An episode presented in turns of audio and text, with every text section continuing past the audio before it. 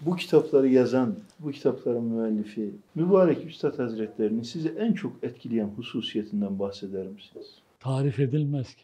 Bir zaman 27 Mayıs ihtilalinden sonra tabii Nurcuların imha kararları falan onu şey edeceğiz. Bir gazetesi Said Nursi kendisini insanüstü bir varlık görüyor diye yazmışlardı muhalif gazeteler. Şevket de ona Yeni İstiklal de cevap verdi. Said Nursi Hazretleri insanüstü varlık değil, olağanüstü bir insandır diye cevap verdi. Allah rahmet etsin, makamı nur olsun. Osman Serden geçti ziyarete gitti. Biz de gelince ziyaretine gittik. Avukat Bekir Bek filan. Osman Serden geçti dememiş üstad. Ser geçti Osman sen? Evet efendim. Ser geçti Osman sen üç defa evet. Evleneydin bir kızım olaydı sana verirdim demiş. Allahu Ekber. Kendinden duyduk. Ziyaretine gittik. Üstad ne dedi? Siz de görüştünüz. Biz hemen biri üstadtan gelince hemen gidiyorduk ona. Sen ne sordun? Üstad ne dedi? Ne oldu? Nasıl görüştünüz diye. Evleneyse bir kızım olaydı sana verirdim demiş. Herkese dine göre şey yapıyor. Sizin tanışmanız nasıl oldu abi üstadla? Oradan mı başlayalım? İsterseniz oradan besmele çekelim. Biraz kendinizden de bahsedebilirsiniz. Cenab-ı Hakk'ın lütfu keremiyle 70 seneye yakın bu hizmetin içinde bulunduk. Allah'ın lütfu, ihsanı, keremi olarak.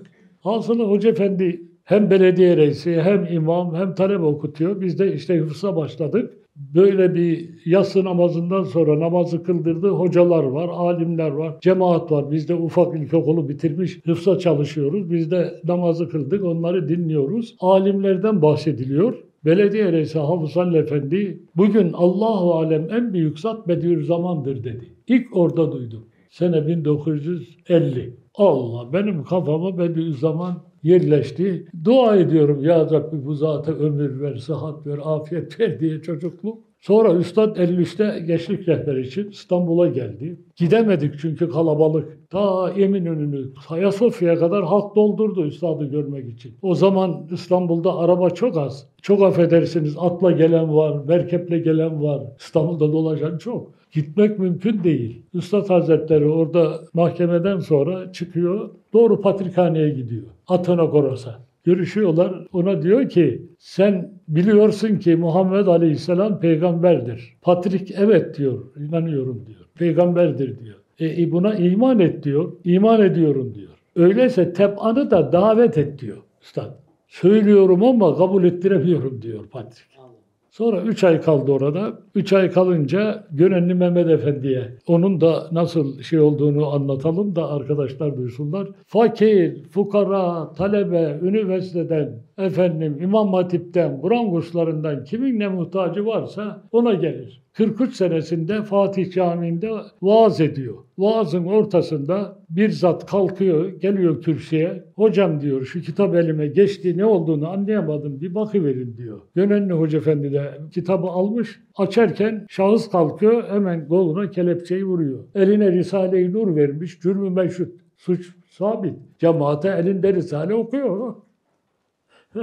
Hemen alıyorlar. Doğru o gece Denizli hapsine üstadın yanına. Hapishane müdürü de Gönenli'ye demiş ki sen hangi koğuşu istersin demiş. Bunlarla beraber mi olmak istersin? Beni en ağır katil kütela idamlıkların yanına verin demiş. Ya Hoca Efendi ne yapacaksın? Sen orada zarar verirler. Ya ver evladım demiş. Ver. O katil kütelaların içine girmiş. Hoştur bana senden gelen ya Hikmet-i Handuk Efendi'ye. İbrahim Hakkı Hazretleri'nin beyannamesini makamla bir çekmiş. Girer girmez ayağa kalkmışlar. Koğuş ağası gelmiş elini öpmüş Mehmet Efendi'nin. Artık sen demiş burada bizim başımız. Onların çoğuna Kur'an öğretmiş. Dini dersler vermiş. Otururken bir geç geldi. Dedi ki üstad nerede dedi. Eğridir'e hava almaya gitti dedi üstad.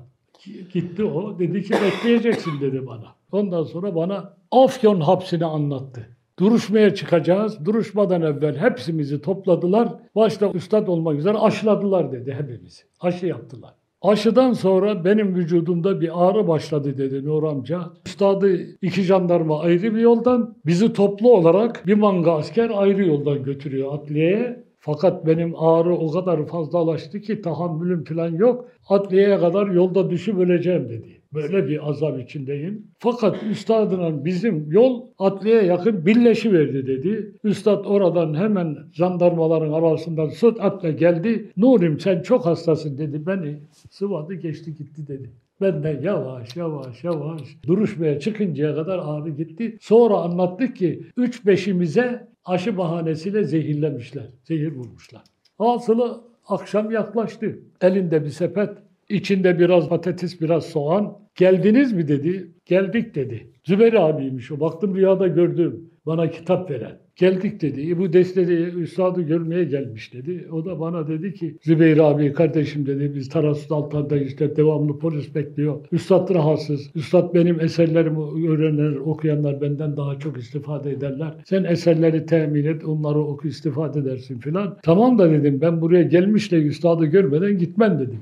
Bizim kararlılığımızı görünce sen beni 50-60 adım arkadan takip et dedi. Beraber gitmeyelim dedi. O önümüzden biz arkasından gittik. Cebinden bir anahtar çıkardı. Kapıyı açtı. Girdi kilitledi. Ben 3-5 dakika sonra kapıyı açıldı gel dedi. Bizde bir heyecan. Üstad nasıl bir adam, nasıl bir kişi. Dünyanın en alimi dedi. En alim uzat. Merdivenlerden çıktım. Üstad divanda oturmuş. Diz çökmüş. Yorganında böyle çekmiş ama şu parlaklık böyle, ev böyle.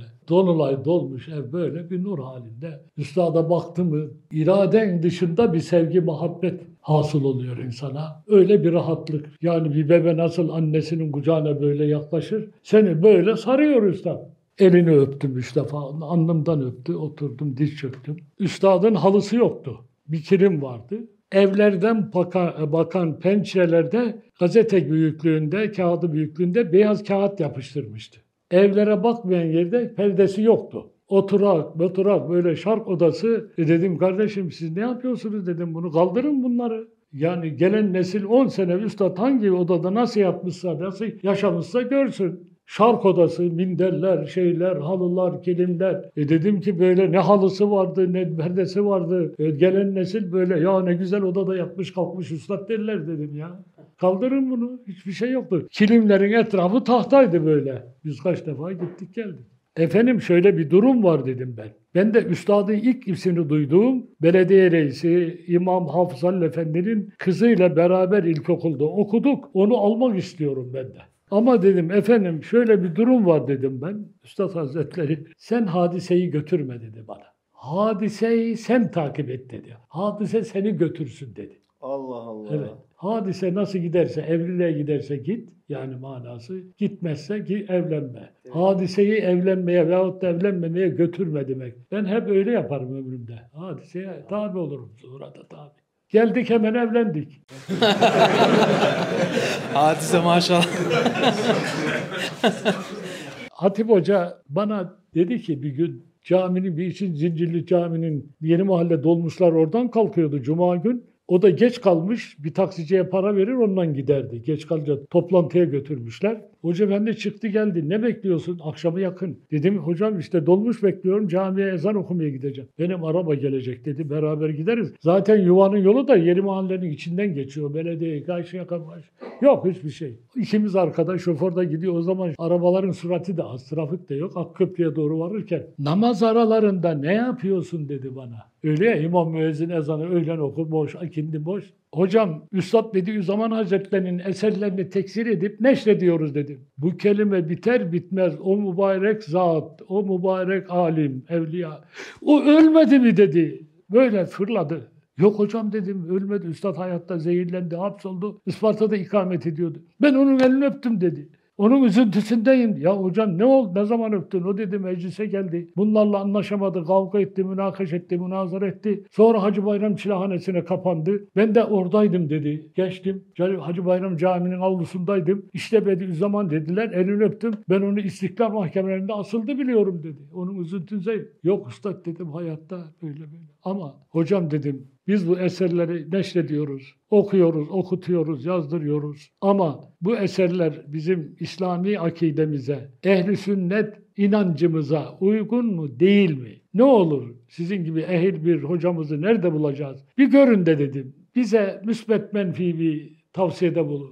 Benim ısrarıma dayanamadı. Peki dedi. Ben gittim sözleri aldım geldim. Hoca Efendi'ye verdim. Cuma gün, cumartesi, pazar, pazartesi, salı, çarşamba, perşembe gün geliyor Hoca Efendi. Ee, orada yatıyor Hacı Bayram'da vaaz ediyor. Perşembe gün getirin dedim ama. Perşembe günü Hoca Efendi at arabasından indi. Bizim camiye doğru geliyor. Vaaz kitabını mendille sarmış kollar. Sözler elinde. Caminin avlusunda karşıladım. Ağlıyor. Evladım ben bu eserin birinci satırını okudum. Bitirinceye kadar bitirdim diyor. Bırakmadan bitirdim dedi. Bir satırı beni bitirtti dedi. 60 seneden beri birçok bütün İslam alimlerinin eserlerini tetkik ettim. Hakikati böyle apaçık anlatan, işte artık Allah bu diye ilmel yakın, aynel yakın, hakkel yakın derecesinde gösteren bir eser görmedim dedi. En büyük İslam alimleri kader ve haşır hakkında iman edilir, izah edilmez demişler dedi. Üstad benim dedi gibi bir hatibin anlayacağı şekilde onları da izah etmiş dedi. 40 senedir Türkiye'de şeyh geziyorum dedi. Nerede şeyh, nerede alim işittimse gittim. Kendimi onlarla konuştuktan sonra teslim edemedim. Ama üstada gelince benim gibi çok hatiplere üstadlık eder. Ben bu eserleri nasıl bulacağım? Üstadı nasıl göreceğim? Ağlıyor. Hocam hepsi olacak sen böyle olduktan sonra. Ondan sonra ise mektubatı veriyoruz, şuaları veriyoruz, şeyleri. Hepsini bitiriyor Hoca Efendi. Rıza Çöllü hocamız Allah rahmet etsin, makamı nur olsun. İyi bir hafızdı, güzel bir okuyucuydu, iyi bir hatipti, alimdi. Onun vücudunda fındıktan büyük, cevizden küçük bir beze vardı. Ara sıra ağrı yapıyordu. Bunu aldırmak istiyordu o zaman 65 sene evvel. Bu kanserse alınırsa dağılır vücuda diye bunun tereddütü içindeydi. Bizim ayrıldığımız gece rüyasında diyorlar ki Rıza Hoca tereddüt edip duruyorsun. Şurada gir Peygamber Efendimiz var ona sor diyorlar. Giriyor bir oda mahkeme koridoru gibi bir masa Resulullah Efendimiz oturmuş. Üstad Hazretleri sağında Hatip Hoca ayakta üçü odada. Huzura varıyor. Ya Resulallah benim böyle bir sıkıntım var diyor. Resulullah Efendimiz sallallahu aleyhi ve sellem elini böyle kaldırıyor. Sağında oturan Üstad Hazretlerinin şehadet parmağını böyle başına koyuyor. Benim dünyada vekilim bu zattır. Dünya ve ahiret müşkilleriniz için bu zata gideceksiniz diyor uyanıyor. Onun için de büyük şey bu. Hatip Hoca için de büyük. Üstad için de büyük şey. Hatta Hatip Hoca ile filan Ahmet Feyzi abi götürdü de Üstad'a bu rüyayı anlatınca Üstad divandan bir fırladı diyor Çöllü Hoca. Kardeşim o gördüğüm ben değilim. Ben peygamberimizin o kadar metnine layık olacak bir adam değilim. O gördüğüm ben değil. Ben ona layık değilim. O gördüğüm Risale-i Nur'un şahsı manevisidir diyor. Kucaklıyor. Seni kardeş edindim diyor. Hastalığı ağırlaşınca emekli oldu. Buradan Çöllü Hoca, Ali Osman Hoca, işte Ali Güran hocalar toplanıyorlar. Ziyarete gidiyorlar. Hoca Efendi ağırlaşmış deyince yuvaya orada sohbet ederlerken evladım Rıza artık huzur kalple teslim ruh ederim diyor. O da oradan bir beşaret mi aldınız diyor. Evet diyor. Resulullah Efendimiz de Üstad Hazretleri geldiler. Geç hatip namazı kıldır dediler. Beni imam yaptılar ihtida ettiler. Beraber namaz kıldık. Bu rüya benim imanla gitmemin delilidir. Artık Azrail Aleyhisselam ne zaman isterse gelsin diyor. Birkaç gün sonra da vefat etti. Ondan sonra üstadı geri çevirdiler. Eylül ayında tekrar geldi Üstad Hazretleri. Hacı Bayram'a geldi. Türbeye girdi. Ayakkabısını çıkardı. Bir saat kadar kaldı içeride. İki rekat namaz kıldı. Ayaküstü gitti. O zaman avukat Gültekin de vardı. Sait vardı. Daha başka birkaç kişi vardı. 59'un 27 aralığında Zübeyir abi telgraf çekti. Gelen neslin bunu bilmesi lazım. Geçen sene bana Isparta'da tanıdıklar çıktı. Dediler ki ya biz orada bir resim görüyoruz. Üstad Hazretleri misafir kaldığı Ankara'da otelden çıkarken. E peki Üstad Hazretleri bu otele niye gelmiş? Bu Ankara'ya niye gelmiş? Bu otelde ne kadar kalmış? Bu otelde ne ders vermiş? E gelen neslin bilmesi lazım. Var mı yok? E diyorum ki tarihçi hayatın arkasına 3-5 sayfa Üstadın son Ankara seyahati diye yazın. Yazmıyorlar. Gelen nesil üstadı bir o reşede veriyor. Niye gelmiş? Neye gelmiş? Ne kadar kalmış? Niçin gelmiş? Biz Beyrut Oteli'nin ortağda Nur talebesiydi. Oranın üst katını hazırladık. Fakat daha Üstad Ankara'ya girmeden 65 sene evvel, düşün 60 sene evvel emniyetin istihbaratına bak. Bizim oteli tuttuğumuzu, Hepsini tespit etmişler. Başkomiser Abdülkadir Bey 20 polislerle oteli şey aldı, ablukaya aldı. Gazeteciler bilmem ne halktı, kalabalıklaştı. Akşam karanlığında böyle üstad geldi. Resim de çektirmiyordu ya. Biz, biz hemen şemsiye geldik. Resim alamadılar. Resim alamadılar. Üstadı odasına üçüncü kata çıkardık. Üstad ufak tefeydi. Tamam kardeşlerim dedim.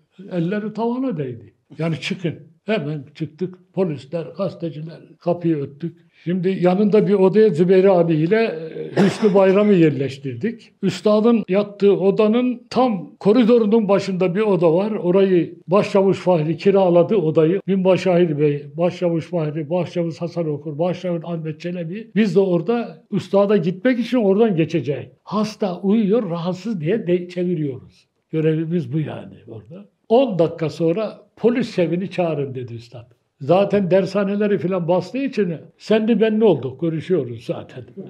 Milliyetçi bir adam ama işte bir bilmediği için aleyhte. Dedik ki başkomiserim Abdülkadir Bey sen girdi içeri. 15-20 dakika sonra çıktı. Artık bu zatın aleyhinde olamam dedi. Efendim ne oldu dedik ne oldu? Çok şey oldu ama iki şey söyleyeceğim dedi. Üstad oturtmuş daha hiç konuşturmadan. Kardeşim bundan 30 sene evvel alemi menamda Üstadım Abdülkadir Geylani Hazretleri bana buyurdu ki sen 30 sene sonra merkezi hükümette mühim bir mevkide bir zatla görüşeceksin. İsmi benim ismimden olacak. İsmin Abdülkadir mi diyor. Evet efendim. Şaşırıyor.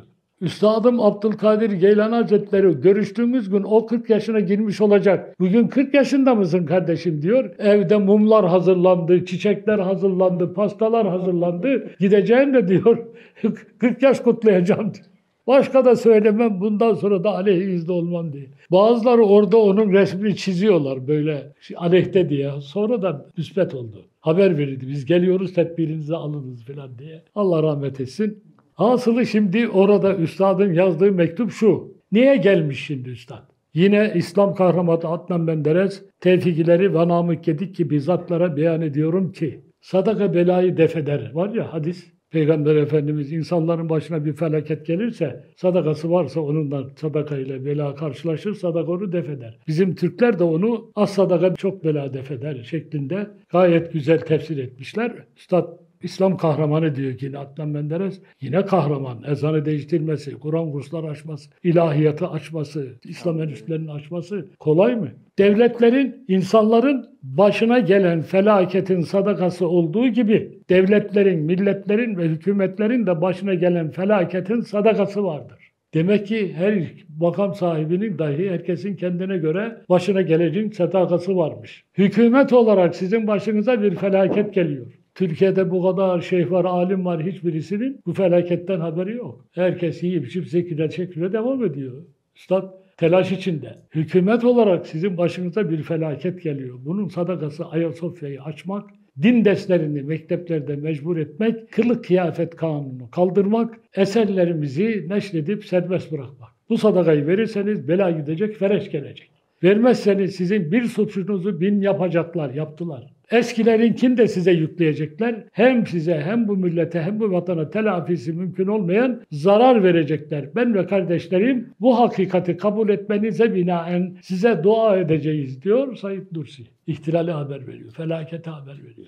Ve bu mektubun bir nüshasını Emirdağ ilçe başkanı Hamza Emek, Menderes'in yakın adamıydı, o götürdü. Hamza Emek veriyor, merhum Menderes alıyor, cebine koyuyor. Diyor ki çok sıkıntıdayım. Hazrete hürmet ve selamlarımı söyle. En kısa zamanda gelip görüşeceğim diyor. Ondan sonra sabahleyi ben kapısında nöbetteydim. Sabahleyi tenha kimse yok. İşte o resimde olan arkadaşlar var. Ben üstadın koluna girdim. Biz işte koridordan merdivene doğru gidiyoruz. Said Özdemir geldi beni çekiyor. Ben bırakmıyorum o çekiyor. En sonra fazla çekmeye başladı. Üstad rahatsız olunca. Ben kolumu ona verdim o girdi. İki adım sonra da dün tutan iyi tutmuştu dedi. Ondan sonra bindirdik. Konya'ya gitti. Konya'da kardeşi Abdülmecid'e gidiyor. İşte onlarla helallaşıyor. Hazreti Mevlana türbesine giriyor. Ayakkabılarını çıkarıyor. Bir saat kalıyor. Konya valisi Eşref Keleşoğlu atlı polisler hücum ediyor. Nurcuların kökünü keseceğim diyor. O da yasada da bileklerini kesti, intihar etti. Çocukların nur talebesi şimdi. Üstad işte Konya yolunda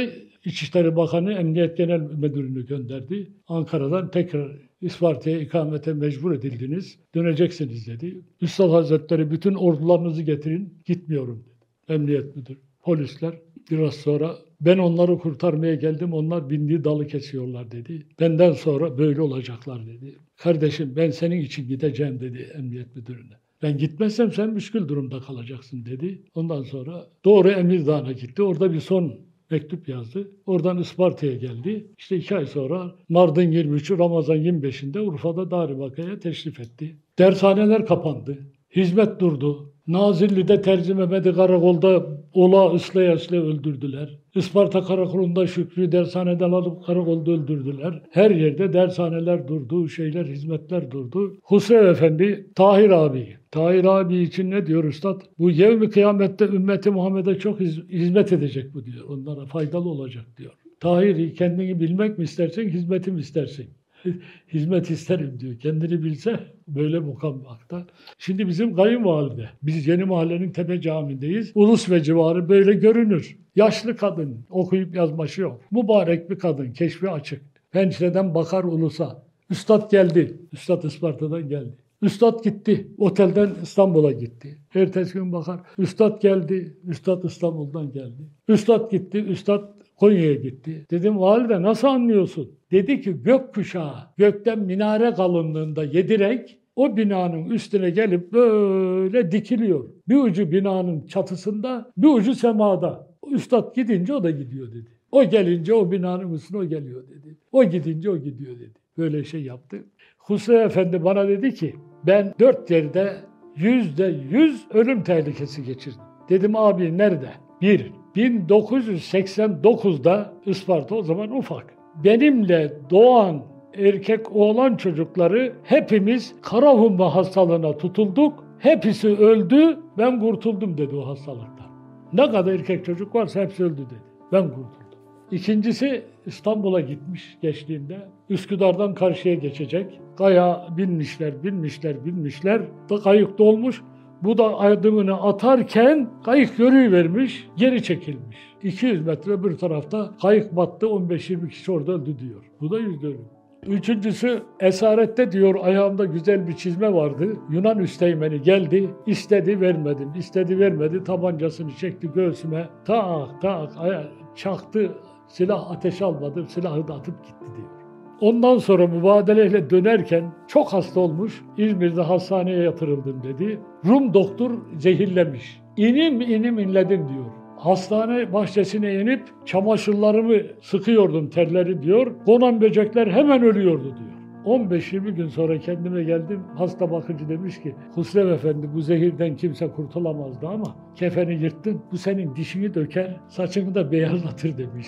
Dişini dökmüş, saçı dökülmedi ama beyazdı beyazlamıştı. O zaman anladım ki ben büyük bir hizmete namzetim diyor. Geliyor. Sonra Hüseyin Efendi şeyi anlattı. Buna çok mühim. Üstadın üç tane binbaşısı var. Bir Asım abi Isparta'da Eskişehir'e gelecek zaman binbaşı Haydın hakim huzurunda ifade verirken yalan söylese üstad kurtulacak.